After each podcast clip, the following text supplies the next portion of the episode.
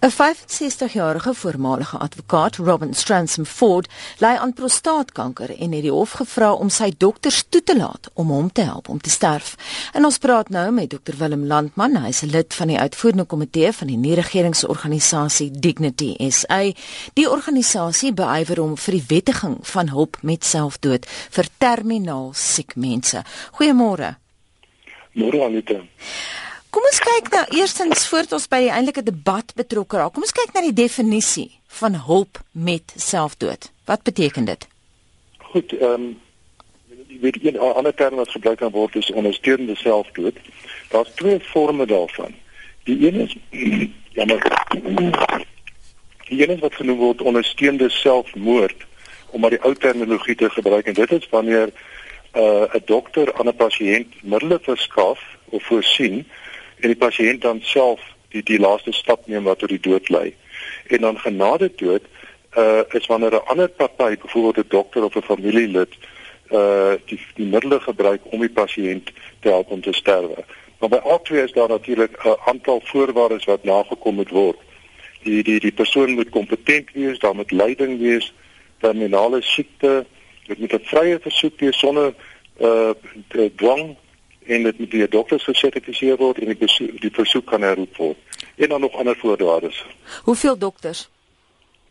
Gewoonlik in die in die in die jurisdiksies waar dit wettig is soos in Oregon is dit twee dokters wat uh onafhanklik sertifiseer en mense wat kompetent is om sekere siektes, die betrokke siektes te kan diagnoseer.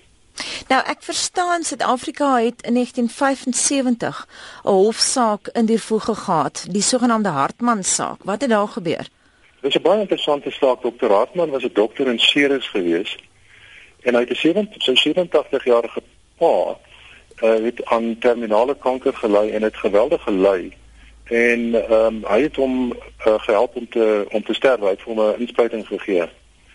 Hy is toe verklaar deur 'n verpleegster uh, in die hospitaal en daar was 'n hofsaak in die Kaapse Hooggeregshof destyds onder uh, met uh, regter Louis van Winsen wat uh, voorgesit het hy moes natuurlik in terme van ons gemeene reg skuldig bevind word aan uh, aan moord maar die regter het hom gevind tot 1 jaar tronkstraf wat opgeskort is tot soos dit gestel is the rising of the court.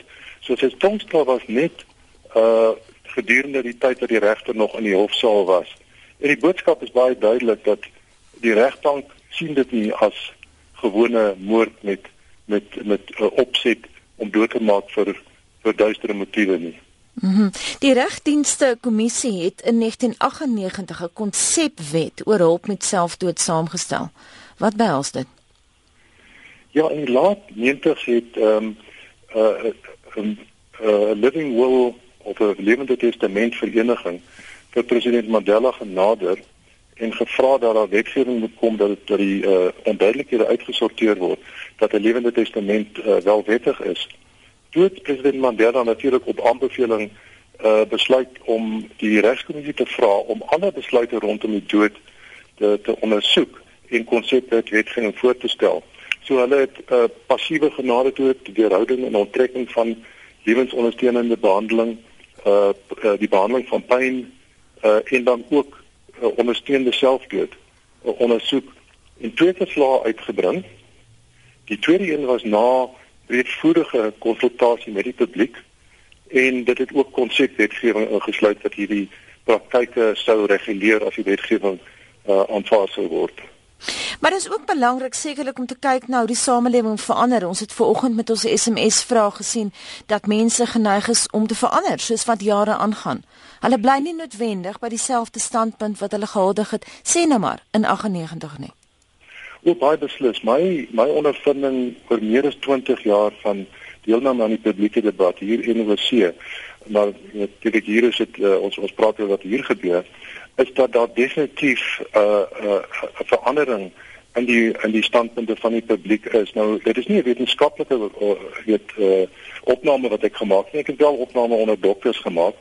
Ehm um, maar ek ek voel dat die my aanvoeling is dat die publiek beslis baie meer simpatiek daarteenoor is. Ek dink omdat daar groter begrip is. Ek, ek koppel dit nou iets soos die internet dat mense baie meer ingelig en waar uh, in die verlede mense dalk hulle kop in die sand gesteek het oor onaangename kwessies soos die dood, uh, het 'n baie groter begrip en as hulle beter begrip het, het hulle baie meer is hulle baie meer simpatiek daarteenoor. En wat sê die dokters? Ons wou ver oggend hoor van die medisyne, maar hulle het nog nie van hulle laat hoor nie. Jy het met ja, hulle gepraat. Wat sê hulle? Kyk, ek het 'n opname gemaak by twee universiteite mediese skole, so dis 'n beperkte opname by die Universiteit van uh, Vryheid en Pretoria.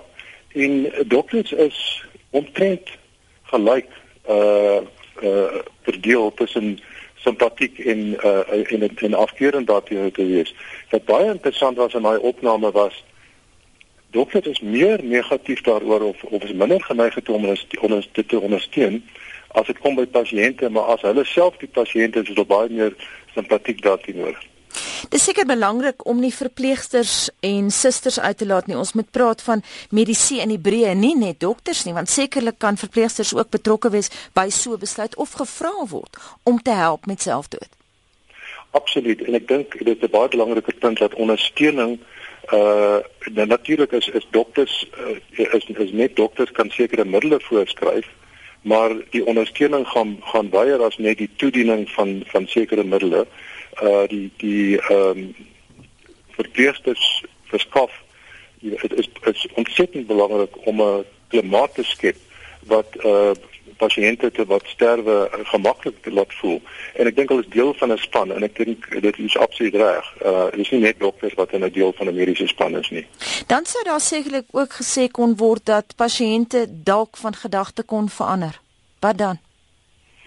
Wel, dit is gewoon dit een ja, maar een van die voorwaardes wat wat uh, in in jurisdiksie waar dit wettig is dat 'n mens moet 'n uh, versoek rig, dan moet daar 'n wagperiode wees en die versoek moet 'n tweede keer gerig word en dan daarna kan 'n pasiënt totdat totdat 'n uh, uh, besluit word op uh, selfdood kan die pasiënt enige tyd sy of haar opinie verander. Maar ons moet onthou hierdie word nie op iemand afgedwing nie. Dit is 'n vrye versoek van die pasiënt En as jy daar word net gereageer op 'n pasiënt se keuse wat ons glo grondwetlike keuse is. So 'n pasiënt kan enige tyd uh, van opinie verander. Dit is baie interessant om uh, op te let wat op, wat in Oregon gebeur het dat pasiënte wat goedgekeur is en wat al die voorwaardes nagekom het. Baie van hulle sterf 'n natuurlike dood en die rede daarvoor is dat hulle gewoon gemaklik voel. Hulle voel hulle sal nie verlaat word in 'n uur van angs en nood nie. So hulle weet dat as hulle as hulle die besluit wil uitoefen, dan kan hulle dit doen want hulle het hierdie prosesse gegaan. Maar as hulle dit nie wil doen nie, dan sterf hulle gewone uh, gewone natuurlike dood. Dr Landman, jy het vroeër gesê jy volg die debat in die buiteland hieroor. Is daar lande wat beste praktyke in die verband het by wie ons kan kers opsteek? Wat is dit? Ek het nou al uh, genoem van Oregon, daar's ander state soos Washington state in die, in die weste van Amerika.